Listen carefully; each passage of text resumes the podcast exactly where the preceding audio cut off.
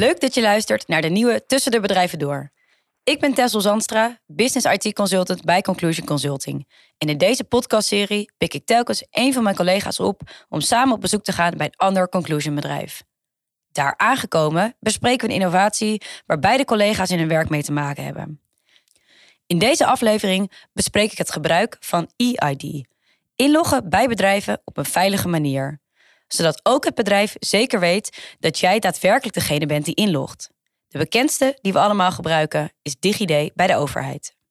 Vandaag rijd ik met Roel Glaudemans, Chief Security Officer bij Conclusion Services, naar Marcos Klaver, Business Manager bij Amis.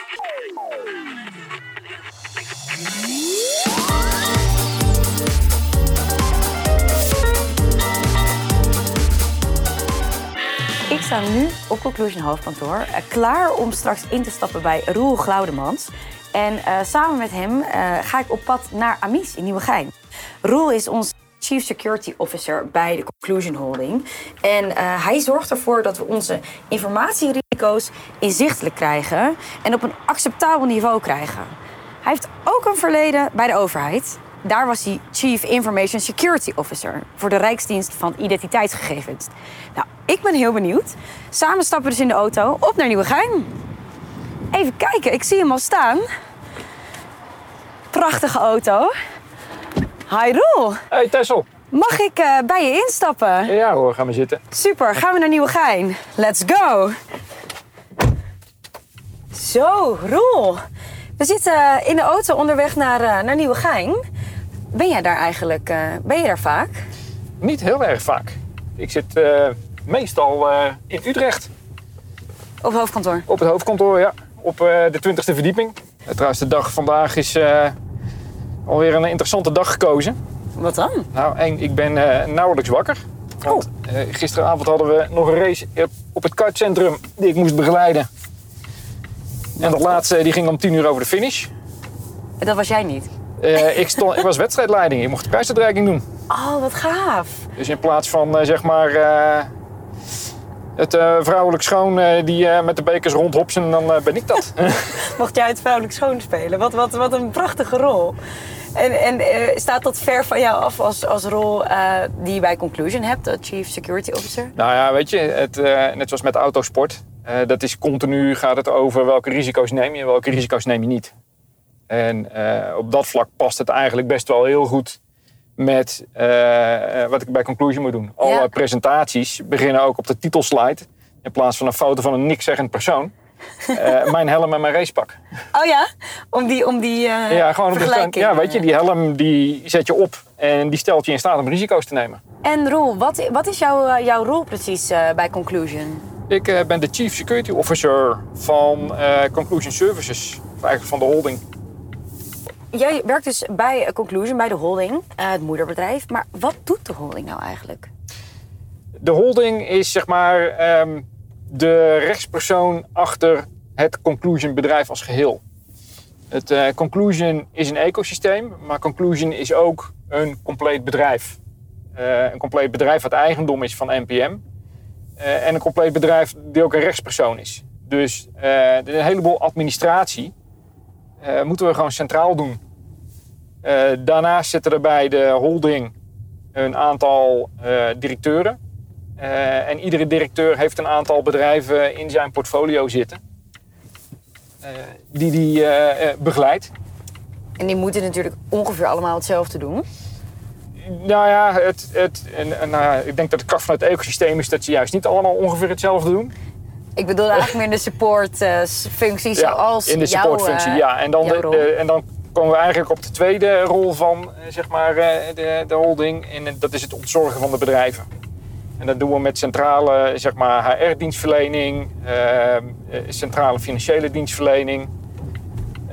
Maar daar hebben we ook security-dienstverlening zitten voor de bedrijven. En dat zijn eigenlijk allemaal dingen waarmee je geen zeg maar, unieke positie in de markt verwerft. Dus waarom zou ieder bedrijf dat voor zichzelf regelen?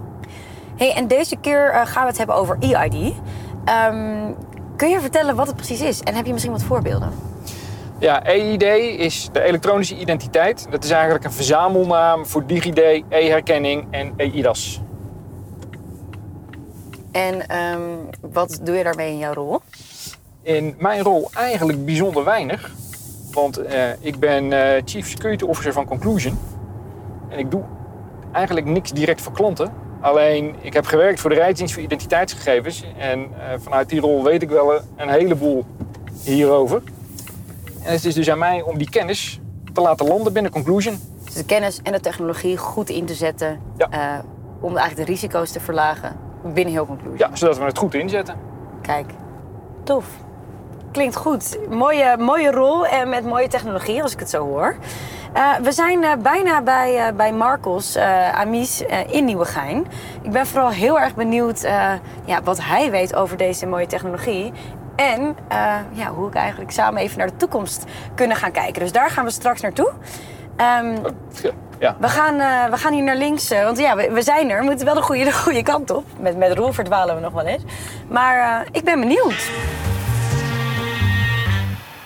Oké, we zijn er. Iets kleinere draaideur dan op het hoofdkantoor.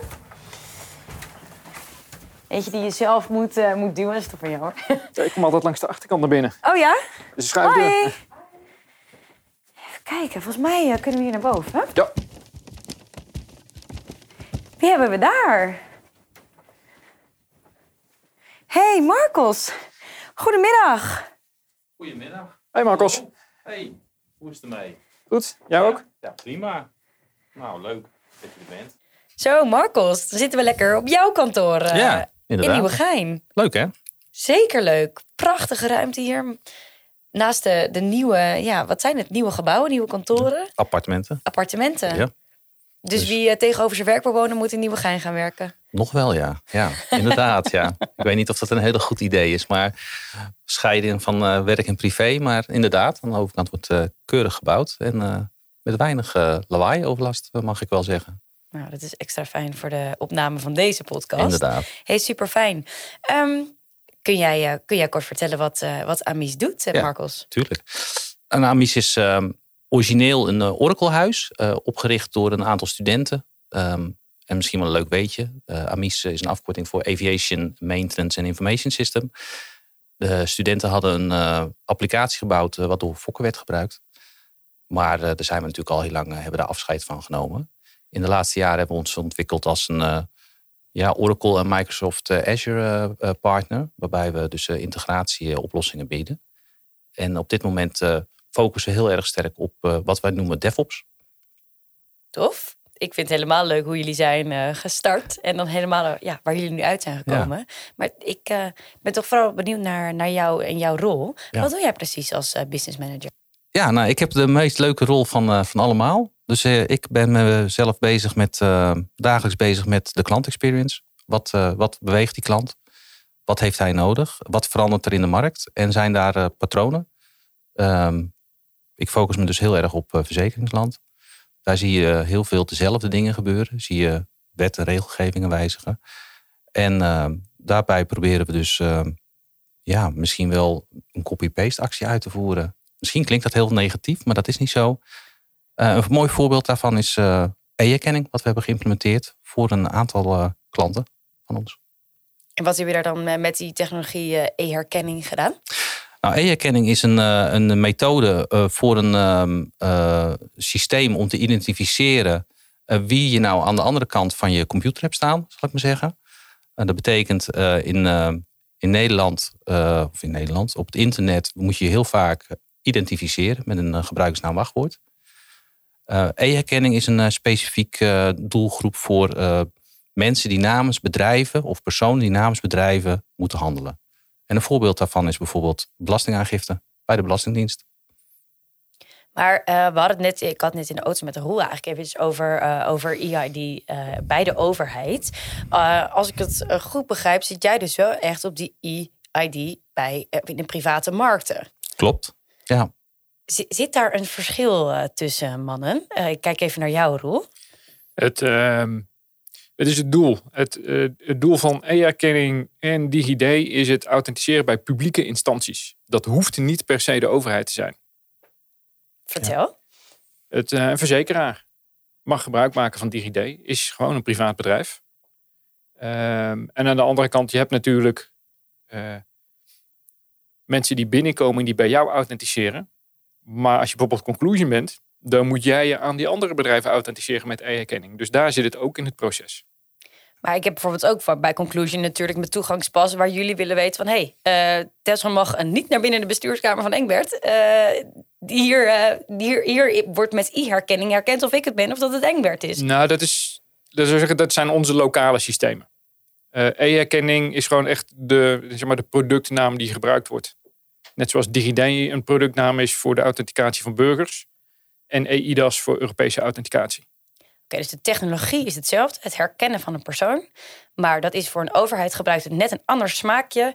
Identificatie van de persoon dan. Ja, het is, het is een, ander, uh, een ander merk. Aan de onderkant gebruiken ze open standaarden. Net zoals een auto altijd vier wielen heeft. Um, en uh, dat maakt het heel makkelijk technologie te gebruiken. Uh, en zeg maar aan de naam die erop zit herken je het merk. Hm, tof. Hey, en Marcos, ik ben, ik ben nog eventjes benieuwd. Um, er bestaan dus verschillende smaken E-herkenning, E-ID, uh, hoe we het noemen. Uh, maar Marcos, wat, hoe zet u dat eigenlijk in bij Amis? Nou, in, in ons geval was de vraag van, van CIS. Um, wij moeten af van de ouderwetse authenticatiemethodiek. CIS gebruikte een nou ja, proprietary, een ouderwets middel, wat niet veilig was. Um, er zijn afspraken binnen verzekeringsland dat uh, de verzekeraars overgaan op e-herkenning. Dus de vraag was, hoe gaan wij e-herkenning inzetten voor het gebruik van onze applicatie door gebruikers? Gebruikers die in principe natuurlijk altijd bij een verzekeraar werken. En dat hebben wij geïmplementeerd uh, voor SIS. Waarbij eigenlijk de uh, complexiteit niet ligt aan het aansluiten op het e-herkenningsstelsel. Zo noemen we dat maar meer op de identificatie van de gebruiker die vanuit dat e-herkenningsstelsel uh, terug wordt gegeven. Je moet het eigenlijk zo zien, je logt in op een eh, site met een telefoon, dan krijg je een code of je krijgt een QR-code en die tip je in en dan zegt het stelsel, ja, u heeft recht op deze functionaliteit. Dat ligt dus buiten SIS in ieder geval. Dan zegt het stelsel, oké, prima, Um, dit is een anoniem ID wat je terugkrijgt. En daar zit grote problematiek. Het stelsel zegt dus, buiten het feit u werkt voor bedrijf X, vertelt het je niet welke gebruiker het is, welke persoon het is. Het is een ja, anoniem nummer. En het is wel van belang dat als je binnen een applicatie werkt, dat je precies weet welke persoon nu bepaalde data heeft gezien. En daar zat eigenlijk de grootste uitdaging. En dat hebben wij opgelost voor SIS. Dat klinkt tof. Dus het, eigenlijk uh, is het de bedoeling dat het zo anoniem mogelijk blijft. Maar jullie hebben nou precies juist wel de, per, de persoonsnaam achter dat nummer nodig. Ja, dat klopt. Dus ja. gave technologie die niet volledig ingezet kan worden. Op de manier hoe jij het eigenlijk wil eh, bij SIS. Ja, dat klopt. Waar eigenlijk bij, de, uh, bij het e-herkenning uh, wordt uh, vanuit gegaan dat je namens een organisatie mag werken, namens een bedrijf, een Nederlands bedrijf, want je hebt dus wel een Nederlands KVK-nummer nodig. Uh, zegt het uh, e-herkenning niet uh, dat we de persoon aan zich hoeven te identificeren. Dat doen ze wel, uiteraard. Maar ze zeggen niet wie de identificatie heeft gedaan. Dus wie was nou eigenlijk die aan het ja. inloggen was. Maar hoe heb je dat dan opgelost? Nou, dit hebben wij met een technisch trucje opgelost. Door de gebruiker eenmalig een soort onboarding flow te laten doorgaan. en waarbij hij ons zijn e-ID-middel, e-herkenningsmiddel, ID, uh, geeft. En waarbij we dat opslaan in ons systeem. Zodat de volgende keer als iemand inlogt en wij krijgen een ID terug, wij kunnen na kunnen gaan of dat ID bekend is in ons systeem. En als dat is, dan weten we ook welke gebruiker het is. Zo kan het dus zijn dat een gebruiker misschien wel gemachtigd wordt door zijn werkgever op een bepaalde dienst, op de SIS-dienst, zoals we dat noemen, maar dat we hem in het, ons systeem niet kennen. Dan kan die door het e-herkenningsstelsel prima geaccordeerd worden, dat hij daar gebruik van mag maken. Um, maar vervolgens komt hij bij ons terug en zeggen wij, nou wij kennen u niet, u mag er niet in. Ja, en hoe ga je er dan dus uh, mee om? Ja, dan uh, krijgt hij dus een melding van uh, dat hij niet geautoriseerd is om deze dienst te gebruiken. Ook al heeft zijn werkgever dat wel in zijn systeem staan. Betekent dus dat de werkgever of de beheerder van, van zijn werkgever voor deze applicatie deze gebruiker eerst moet opvoeren in ons systeem. Waarbij dus de hele onboarding weer uh, van toepassing gaat. Dus eenmaal onboord, weten jullie wie het is. Ja. Heb je een nummer aan een naam gekoppeld en mag Klopt. iedereen eigenlijk Ja. eh, die goedgekeurd is, de volgende keer ook weer inloggen. Klopt. Check. Slimme oplossing, maar het klinkt nog wel als een lang proces. Eh, ik kijk toch even naar mijn andere buurman, hoe ze dat dan toch eigenlijk eh, bij de over, in overheidsland doen. Jij hebt er ervaring, eh, Roel. En je hebt ook ervaring met Europese inlogsystemen. Is dat dan ondanks de technologie van EID ook zo lastig om daar echte persoonlijke identificatie te doen? Het blijft een lastig gegeven. En dat de, de, het is niet zo dat eh, volgens de privacywetgeving, bijvoorbeeld in dit geval Stichting SIS, die persoonsgegevens niet mag hebben. Maar er zitten heel veel partijen tussen degene die zich authenticeert en het bedrijf dat gebruik van maakt. En het stelsel is zo ingericht dat al die tussenpartijen dus niet kunnen zien met welke persoon ze te maken hebben. En DigiD doet het ook. Daar krijg je ook, zeg maar, als je daar inlogt, eh, kan het zijn dat je alleen maar een nummer terugkrijgt. Uh, maar afhankelijk van de rechten die de organisatie heeft, die er gebruik van maakt, of de autorisaties, zoals ze dat uh, eigenlijk zeggen, uh, kan het ook zo zijn dat, er, um, dat ze een meer gegevens terugkrijgen en wel de naam.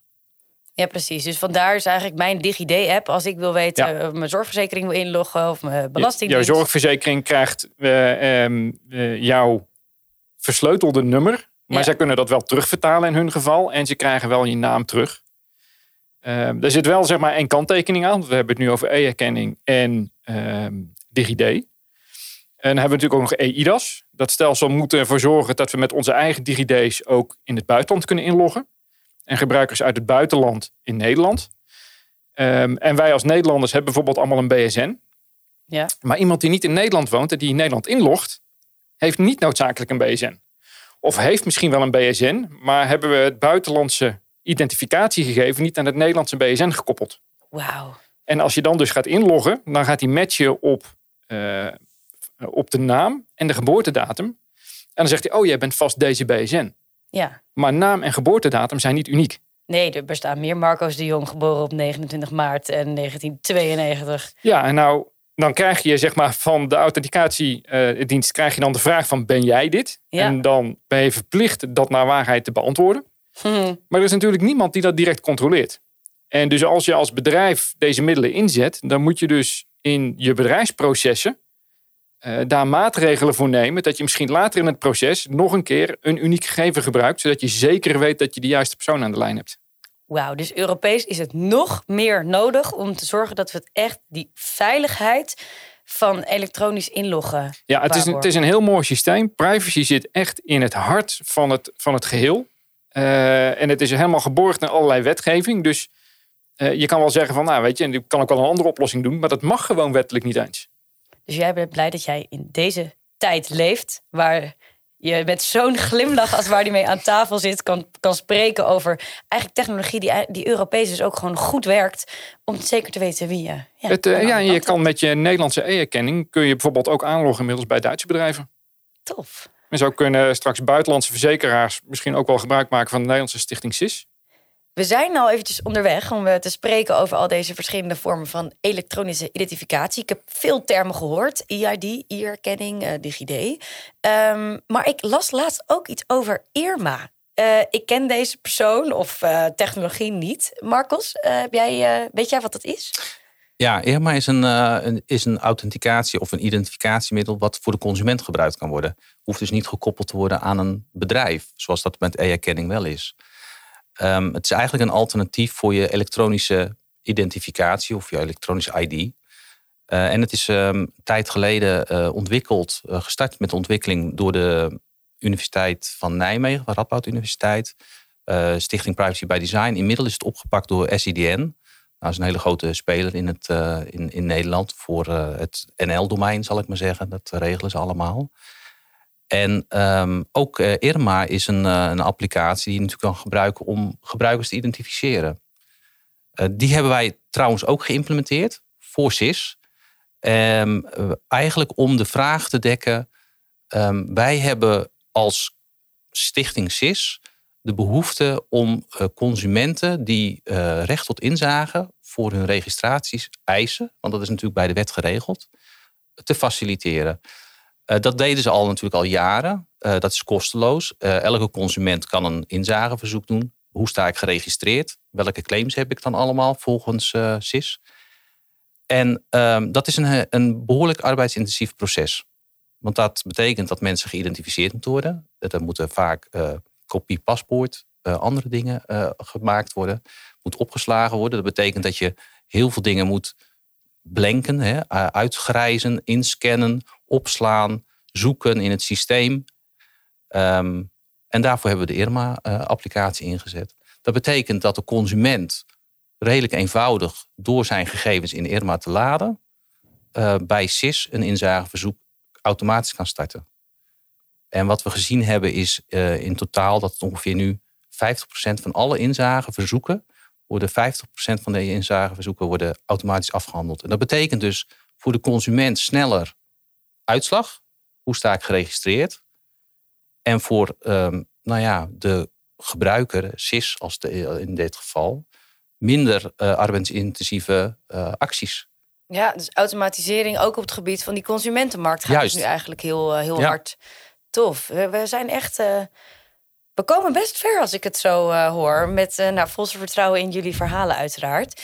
Dus als ik het nu eventjes het overzicht opmaak, hebben we aan de ene kant um, eigenlijk even het eerste verhaal: technologie om met e-herkenning DigiD om dus op de, op de uh, overheidsmarkt uh, te, persoonlijke personen te identificeren. En dat is er dus nu ook al voor de consumentenmarkt. Uh, ja. Het is overgenomen door grote bedrijven en het gaat nu echt lopen. Um, waar moeten we dan nog naartoe in de toekomst? Als we even een toekomstdroom uitspreken. Roel, wat, waar moeten we naartoe? Het, waar wil je naartoe? Een soort van nationale of misschien wel iets internationale vorm van IRMA. Het is qua opzet natuurlijk heel goed. Irma is, maakt eigenlijk je telefoon tot een paspoort. Waarbij je uh, bij iemand anders kan authenticeren. En uh, waarbij iemand bijvoorbeeld als je bij de drankenwinkel komt. die kan jou vragen of je ouder bent dan 18. En dat kun je met de Irma-app krijg je dan gewoon een ja of nee. Dus je hoeft niet je geboortedatum te laten zien of iets anders. Maar het probleem zeg maar, met het alles is, we hebben heel veel kleine initiatiefjes. En als je nou kijkt, waar is bijvoorbeeld de kracht van de techsector? is de Apple ID, is de Google ID, is de Microsoft ID. Die kun je inmiddels op zoveel verschillende plekken gebruiken. En het is, ik vind het heel jammer dat we dat zeg maar, voor onze identiteitsbewijzen nog niet hebben.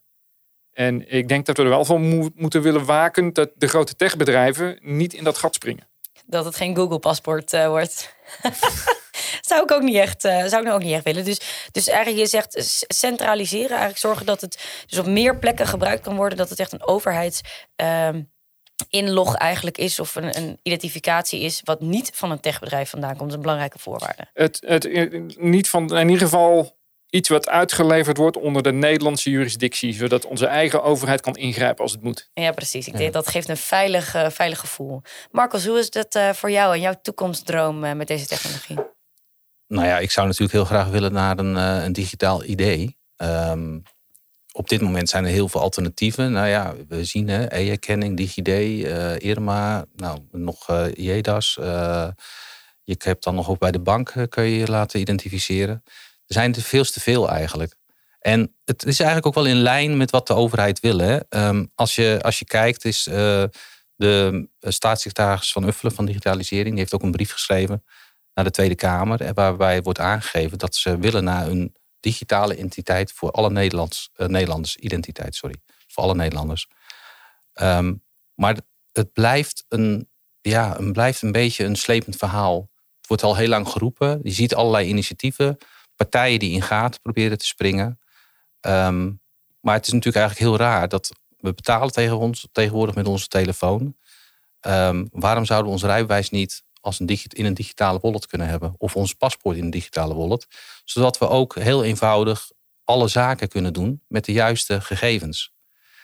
Daarbij is natuurlijk wel van belang dat we uh, alleen de gegevens hoeven te delen die ook noodzakelijk zijn. Dat vind ik dan wel weer heel sterk van de Irma-applicatie. Uh, waarbij gewoon gezegd wordt van nou, ik ben een drankenwinkel. En uh, ik hoef alleen maar aan te tonen dat ik 18 plus ben. Dus ik hoef alleen maar te delen, ja, ik ben 18 plus. En niet wie ik heet, hoe ik heet, uh, wanneer ik geboren ben of iets anders. Um, en dat is dus, denk ik, van belang. Ik vind het trouwens nog wel interessant wat je net zei. Ehm, je had het net eigenlijk over dat we uh, in het voorbeeld van de, van de supermarkt je, of in een drankenwinkel, je wil drank kopen, 18 plus, dat je echt alleen ziet iemand is 18 plus, niet of dat hij uh, 63 is of 28. Dat vind ik wel heel interessant. Dat je dat, je dat toch nog een beetje uh, ja, een gevoel van veiligheid of, of niet alles weggeeft en binnen privacy behoudt.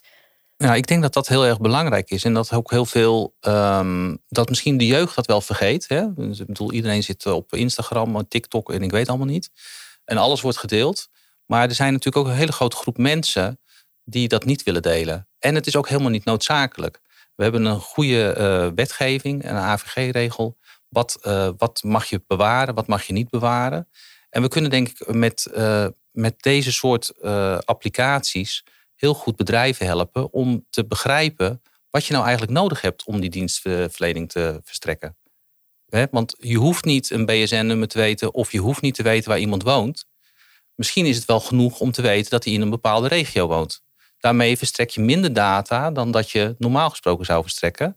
En uh, ga je dus ook niet overmatig data verzamelen. Want dat is natuurlijk wel een ding wat tegenwoordig eigenlijk normaal is geworden. Ja. Geef alles maar, want dan kunnen we je in ieder geval nog eens even vol spammen. Dan weten we alles van dan je. weten we alles ja, van je. Precies. Dus die trend die mag best wel weer een beetje terug, uh, terugkomen naar... hey, laten we eens even rethinken of we dit eigenlijk allemaal echt nodig hebben... Uh, in plaats van het, het, het doel uh, voor ogen houden.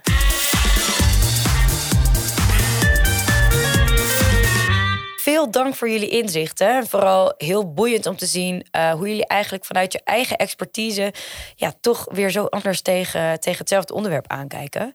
Uh, ik ben nog eventjes benieuwd. Wat is nou hetgeen wat jullie van de ander uh, vanavond aan de keuken, keukentafel eigenlijk gaan vertellen? Roel, ik zie jou lachen. Mag jij het, het, Ik zit natuurlijk ergens verstopt in die toren in Utrecht. En naar mijn eigen gevoel veel te ver van die business vandaan. Daarom vond ik het best wel eens leuk om eens een keer met Marco te praten, Marcos te praten, die aan de voorkant zit. En wat neem je dan mee? Ga je dat dan vaker doen? Um, ja, ik, laten we zo zeggen, ik zou dit wel vaker willen doen, ja. En als ik je nou help opzetten om het vaker te doen? Dan uh, graag. Ben jij helemaal gelukkig? ja. Tof. Oké, okay. één goede takeaway actie uh, voor mij eigenlijk en voor Roel. Leuk. Uh, Marcos? Nou ja, wat ik eigenlijk wel uh, uh, meegekregen heb, is dat het gewoon binnen Conclusion hebben we heel veel mensen die heel veel kennis hebben. al is het misschien theoretisch, nou ja, theoretisch praktisch, maar dus niet aan de coderingskant of programmeerkant. Um, waarbij er dus uh, heel veel richtlijnen zijn, waar ik denk heel veel mensen binnen het ecosysteem die iets moeten gaan maken, niet bewust zijn dat die er zijn. En ik denk dat het heel belangrijk is dat er een bewustzijn uh, ontwikkeld wordt of uh, ontstaat. Dat uh, ook al zit Roel in de Ivoren Toren, daar bij het stadion zal ik maar zeggen, dat hij natuurlijk ook benaderbaar is. En dat hij ons van input kan voorzien. Van nou, wat speelt er dan nog meer op de markt. Dus de technologie echt te verbinden aan. Ja, aan de, ja, de business verbinden aan de. Aan, misschien de theorie verbinden aan de praktijk. Misschien klinkt dat heel raar. Maar ik denk dat dat uh, de, de, soms de, de missing linking pin is. Dus het opstellen van de best practices. Juist. En wat ga je dan morgen anders doen? Nou, ik ga morgen eerst even wat later opstaan. Dat is één. Het was heel erg vroeg vanmorgen. Maar ik denk dat we uh, eens even af en toe terug moeten stappen. En eens even het moment moeten nemen om te zeggen: oké, we willen iets gaan implementeren, iets gaan bouwen. We willen een probleem oplossen. Maar herkennen we wel het complete probleem? En wie hebben we daarbij nodig om dit probleem te identificeren? Um, hè, het is heel vaak, dit is, dit is het issue en dit moet opgelost worden. Maar er zit heel vaak heel veel achter. En daar heb je heel veel kennis voor nodig. En die kennis hebben we binnen Conclusion. En dat is heel fijn. Die moeten we alleen gaan zoeken. En die hebben we nu gevonden. Dus dat is prachtig, prachtig, toch? Ja, dus eigenlijk is het de, tegen, de tegenhanger van de Conclusion Architecture Board, waar het echt eh, technologie als middelpunt ja. uh, heeft, kunnen we misschien wel de Conclusion uh, Solving Problem, Problem Solving Unit oprichten, om juist de, de, de doelmatigheid en de praktische kant ja. samen te bespreken. Maak jij het team aan, uh, Marcos? Ik ga in Teams nu een, uh, een uh, eentje opzetten. Nog eentje erbij. Tof. Helemaal goed. Hartstikke bedankt, heren. En nou, ik zie jullie graag in de Ivoren Toren terug om samen te praten. Komt goed. Zeker. Dankjewel. Dankjewel. Dit was hem weer. Dank voor het luisteren naar Tussen de Bedrijven Door. De volgende keer gaan we met Anthony Dickinson en Monique de Vos praten over low-code. Is er een innovatie die wat jou betreft een eigen aflevering verdient? Laat het ons dan weten via marcomapenstaartjeconclusion.nl. En wie weet bespreken we jouw technologie in de volgende aflevering. Ciao!